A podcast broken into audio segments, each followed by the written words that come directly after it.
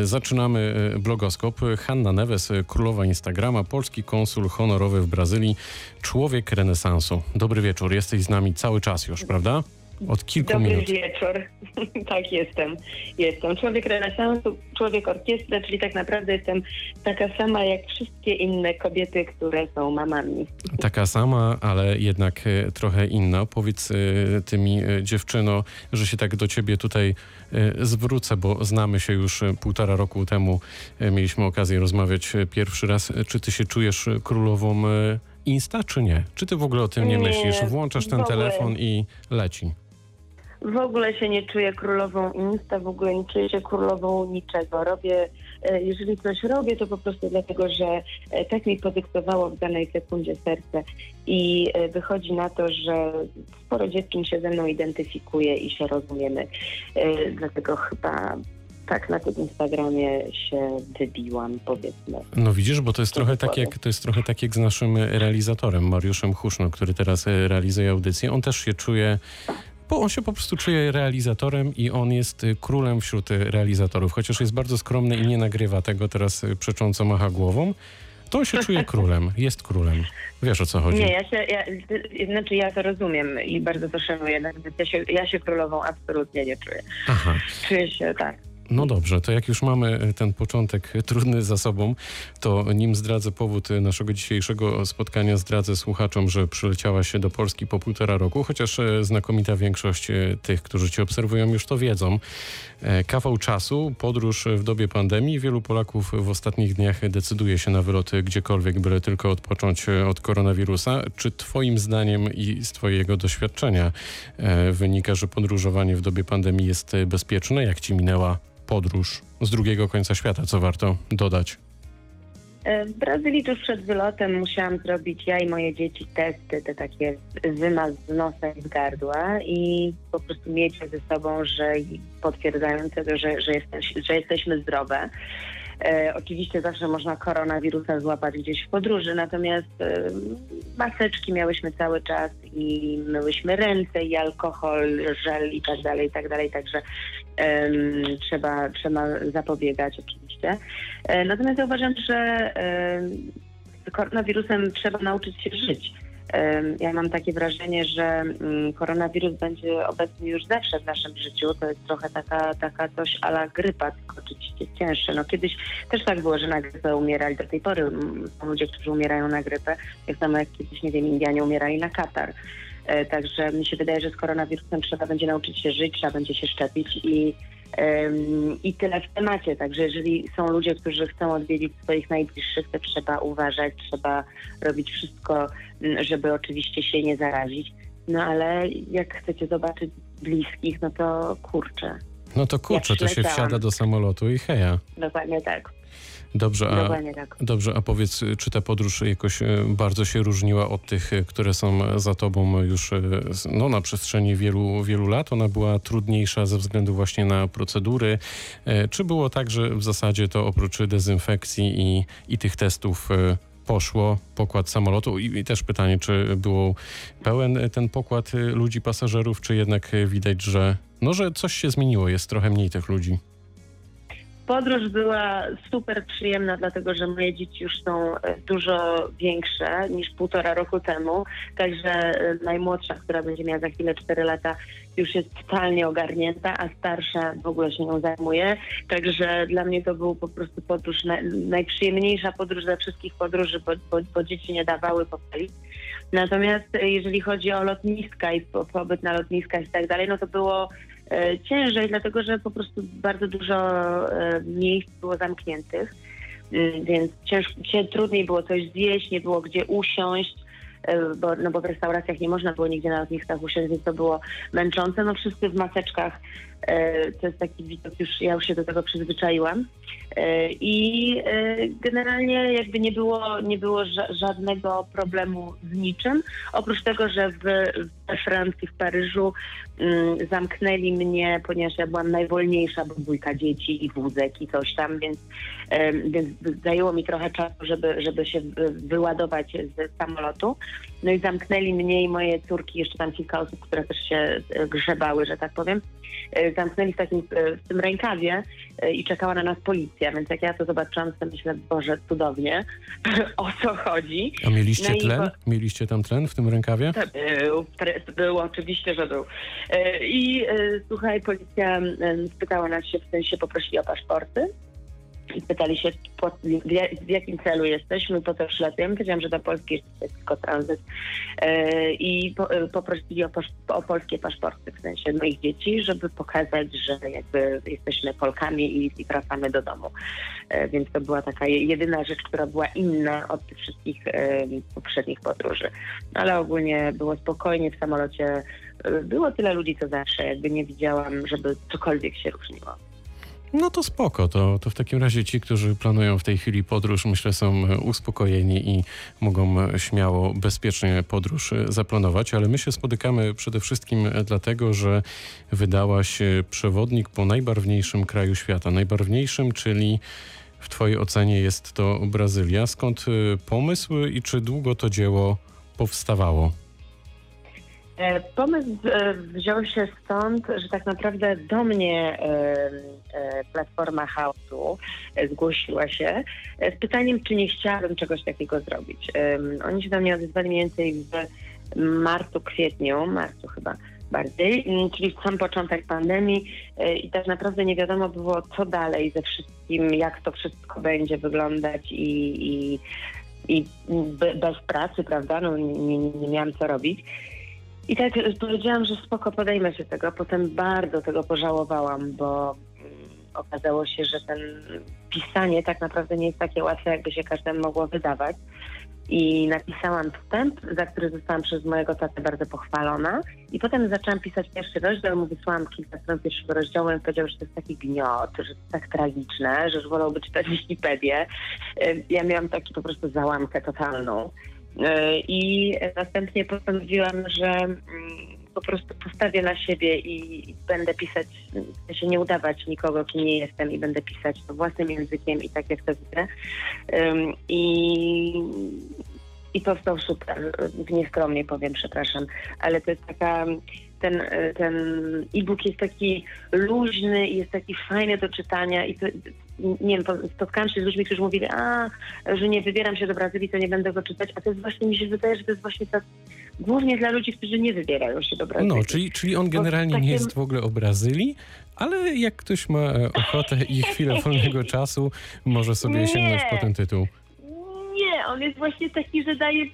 Po prostu możemy sobie pomarzyć i czujemy się tak, jakbyśmy byli w tej Brazylii. Jest, ja nie wiem, słuch- słuchajcie, drodzy słuchacze, ja, nie, ja jestem osobą bardzo skromną i ogólnie nie, nie chwalę się i, i się wstydzę, ale naprawdę jestem wybitnie dumna z tego e-booka. No to, to to za, chwilę, za chwilę szerzej o tym, o tym twoim e, dziele, chociaż to porównanie z tą Wikipedią naprawdę będę mieć długo, e, długo z tyłu głowy. Jestem ciekaw, czy nasi słuchacze, jak e, słuchają, no między innymi mnie na antenie, to też sobie myślą, że le, le, lepsza byłaby Wikipedia w wersji, e, w wersji no nie, nie, audio. nie.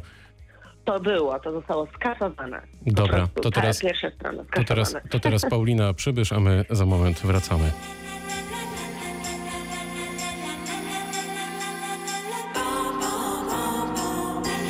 Trzydzieści i sześć, podobno tyle trzeba mieć. Gdy wstaje mroźny dzień,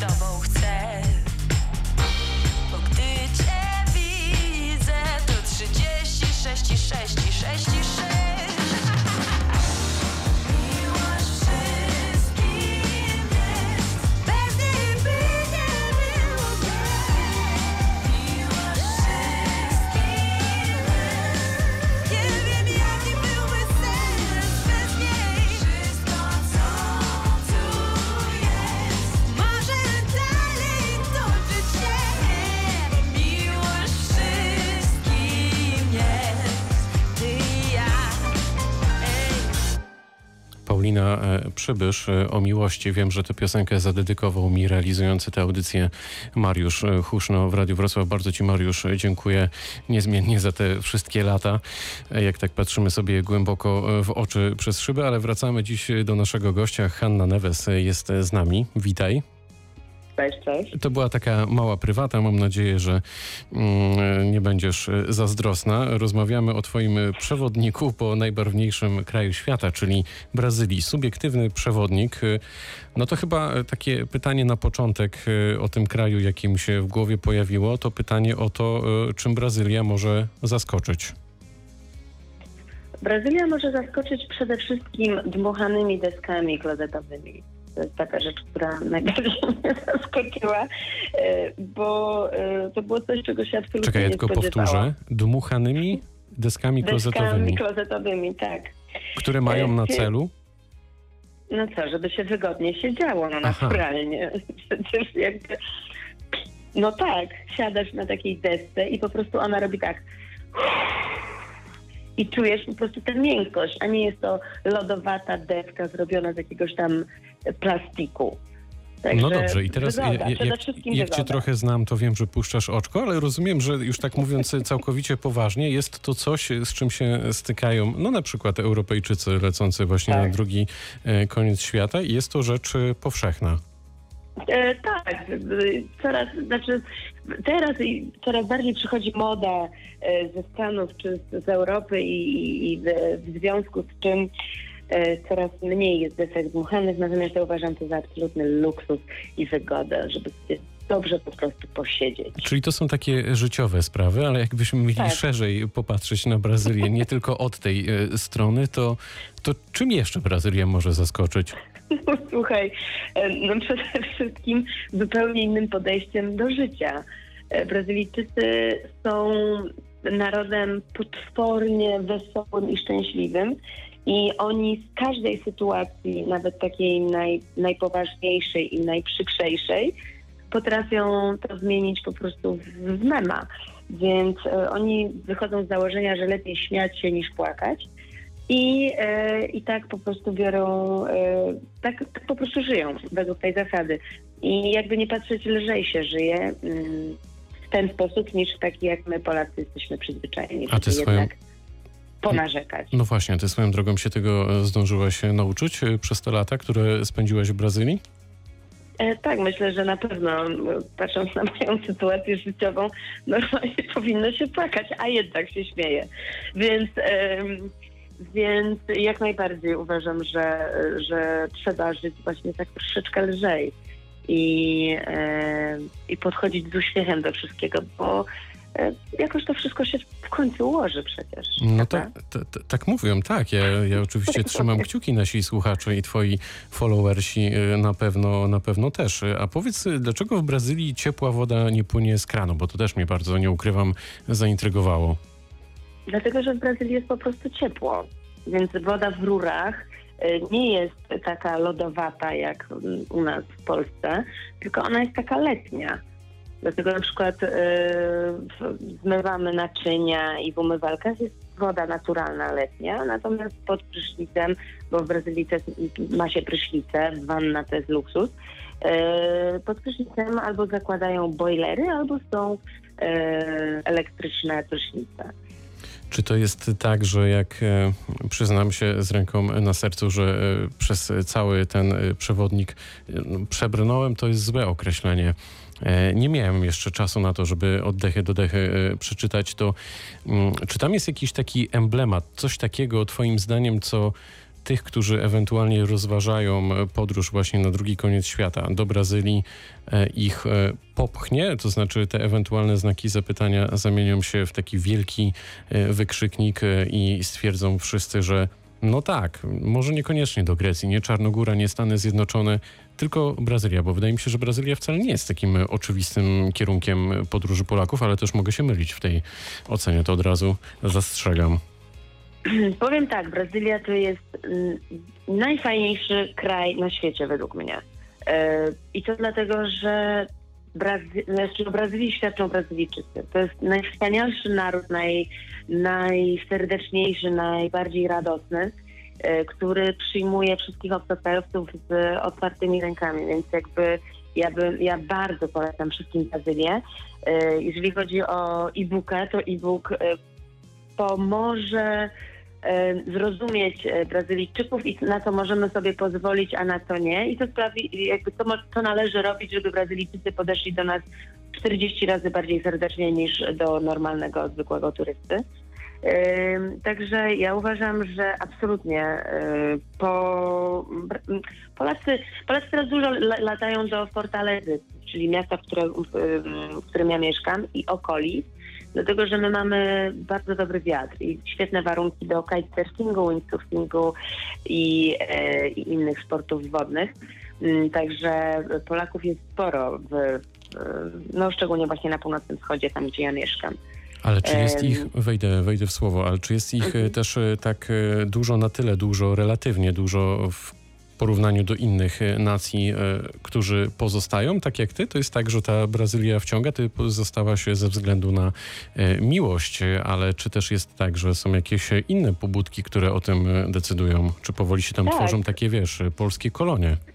Jest miasteczko polskie, mniej więcej godzinę drogi samochodem od Fortalezy. E, Nazywa się Parakuru. I tam są, tam, tam, tam tak naprawdę tam jest najwięcej Polaków ze wszystkich innych narodowości. Tam są polskie domy, są polskie ulice, jest na przykład jedna ulica, która się nazywa ulica Kajtowa. I to wszystko Polacy tam przy, przylatują na pół roku, bo my możemy legalnie być w Brazylii do 6 miesięcy i Ale potem na kolejne też- 6 miesięcy trzeba wyjechać. My też jesteśmy kreatywni, więc podejrzewam, że niektórzy tam pozostają trochę dłużej. No, no pewnie tak. E, Pewnie tak, ale nie, nie wnikajmy w to. E, Natomiast ja myślę, że Polacy przezimowują w Brazylii, pływają na kajcie, potem wracają do Polski i kolejne, e, i kolejne 6 miesięcy spędzają w Polsce. Także tak to wygląda. No to nieźle wygląda, daje do myślenia. To teraz e, kilka minut e, pomyślimy nad tym e, wszystkim. Za dużo słów, e, ptakowa. Wracamy za moment.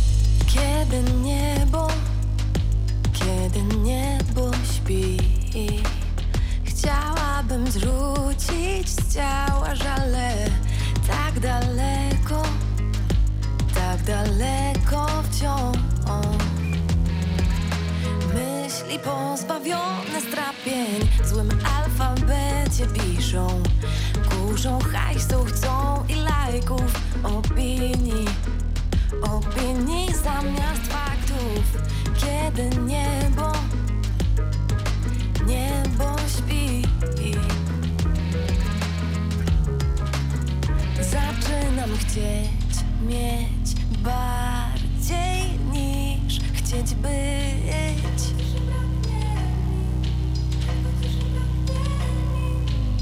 Ten słodki szept, ten lepki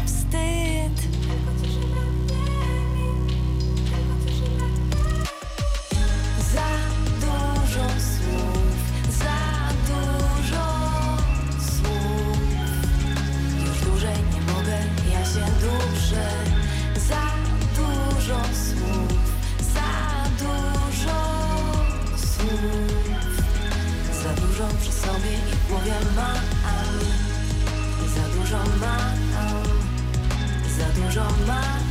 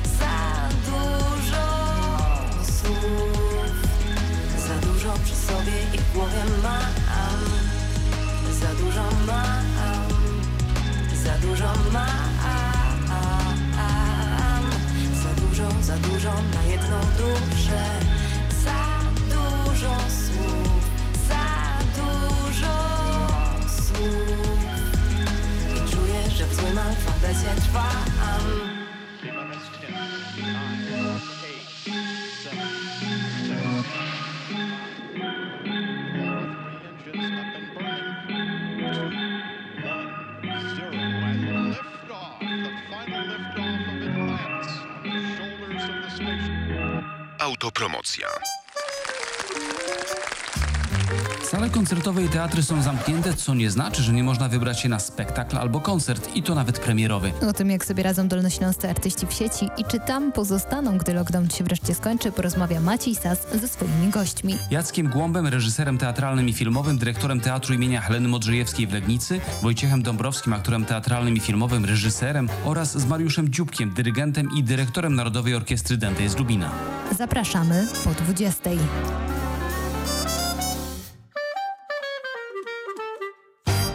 Autopromocja.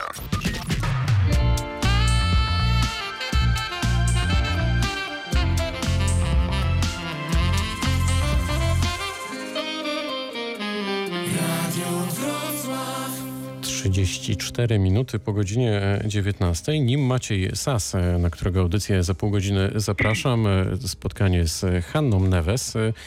Hanna nam zdradziła, dobry wieczór raz jeszcze, że mm, sporo Polaków e, osiedla się lub przezimowuje e, te piękne okoliczności, z którymi się teraz mierzymy nad Wisłą e, w Brazylii.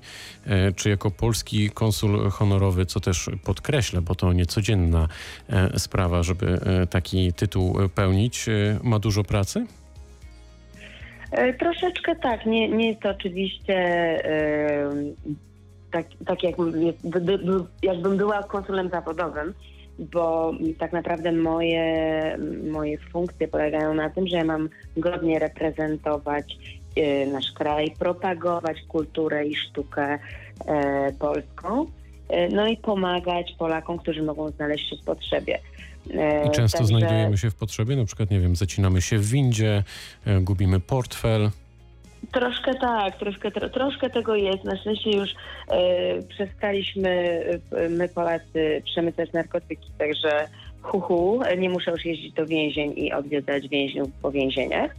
E, natomiast e, natomiast no, jesteśmy cały czas, e, nie zdajemy sobie sprawy z pewnych niebezpieczeństw, które mogą e, na nas czyhać, bądź Polacy też lubią się dobrze napić, dobrze się pobawić i potem na przykład w, w, w jakieś takie tarapaty przyziemne się e, w, wbijają, więc trzeba też wtedy pomagać.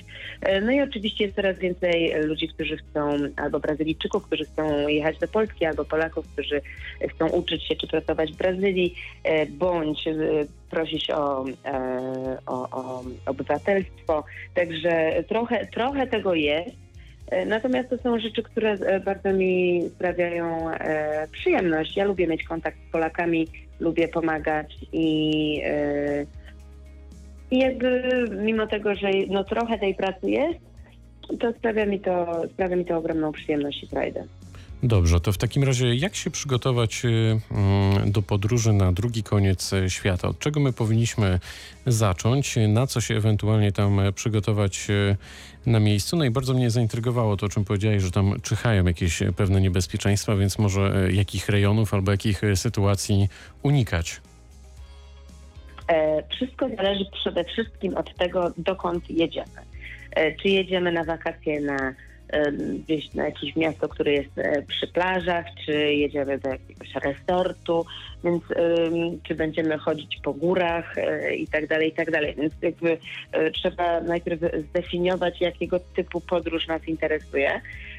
Jeżeli na przykład przy, wybieramy się do, do Fortalezy, będę mówić o Fortalezie, bo to jest e, mi najbliższe, trzeba po prostu e, pamiętać o kilku podstawowych rzeczach. Po pierwsze, że słońce w Brazylii nawet jak go nie ma, to opala i opala tak i można się tak trzaskać, że e, jesteśmy w stanie sobie zepsuć całe wakacje tym, że na przykład wydaje nam się, że filtr 15 wystarczy. 15 nie wystarczy nawet osobie, która ma ciemną karnację. Nie wystarczy po prostu jest takie słońce, e, że musimy się smarować 50 przez kilka dni. Em, Oczywiście 99% ludzi łącznie z moją siostrą nie wierzą mi i za każdym razem po drugim dniu na plaży są strzaskani tak, że już potem tylko mogą siedzieć w długim rękawie na plaży kremsetką. Em, Oprócz tego ja, znaczy ja, ja po prostu uważam, że wszyscy powinniśmy być rozsądni. Czyli e, jak jesteśmy w jakimkolwiek kraju, w jakimkolwiek dużym mieście i zaczynamy się czuć tak zwane, zrobi się nam łyso i czujemy, że się nie swojo, e, no to, to znaczy, że jesteśmy w jakimś miejscu, które może być potencjalnie niebezpieczne. I tak samo w Portalezie. Są okolice, gdzie po prostu jest pusto, ciemno i niefajnie. E, No i po prostu w takich miejscach nie należy, nie należy się znajdować. Trzeba po prostu wtedy brać nogi za pas i, i zwiewać.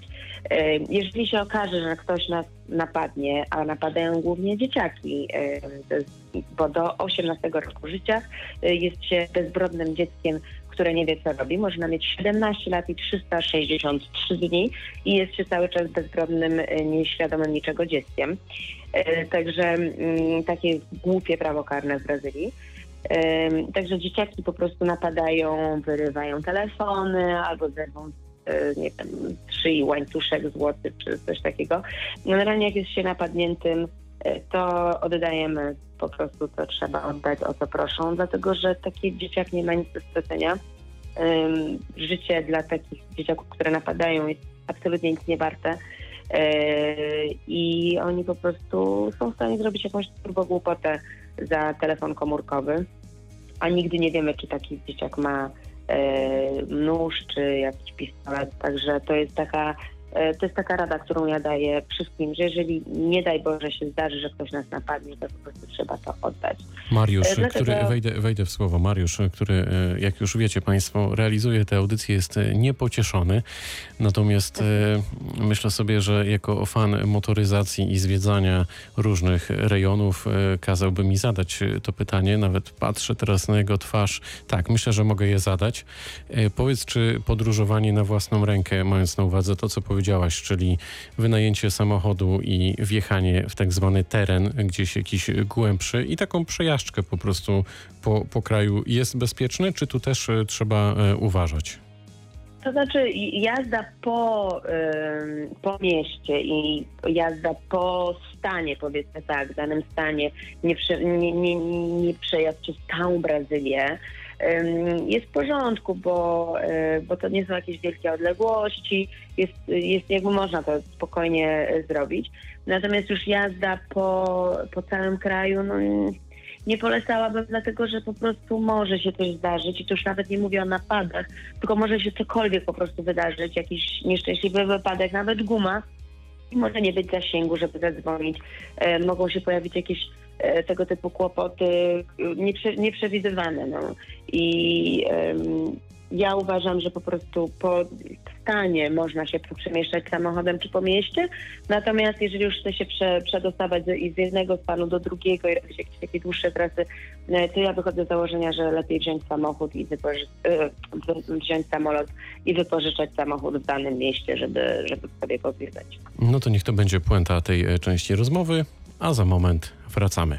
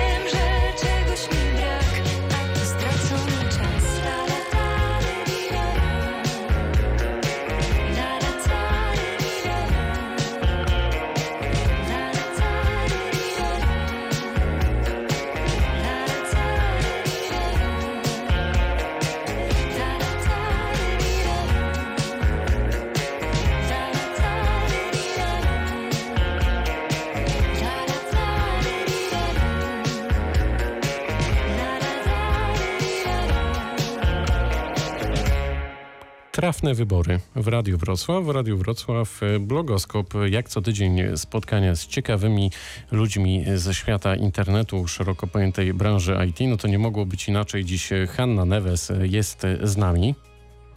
Dobry wieczór po raz kolejny. Jest z nami za sprawą swojego przewodnika po Brazylii. Powiedz, co nas wyraźnie różni, a co łączy nas, Polaków, z Brazylijczykami. Trochę o tym powiedziałaś, ale tylko trochę.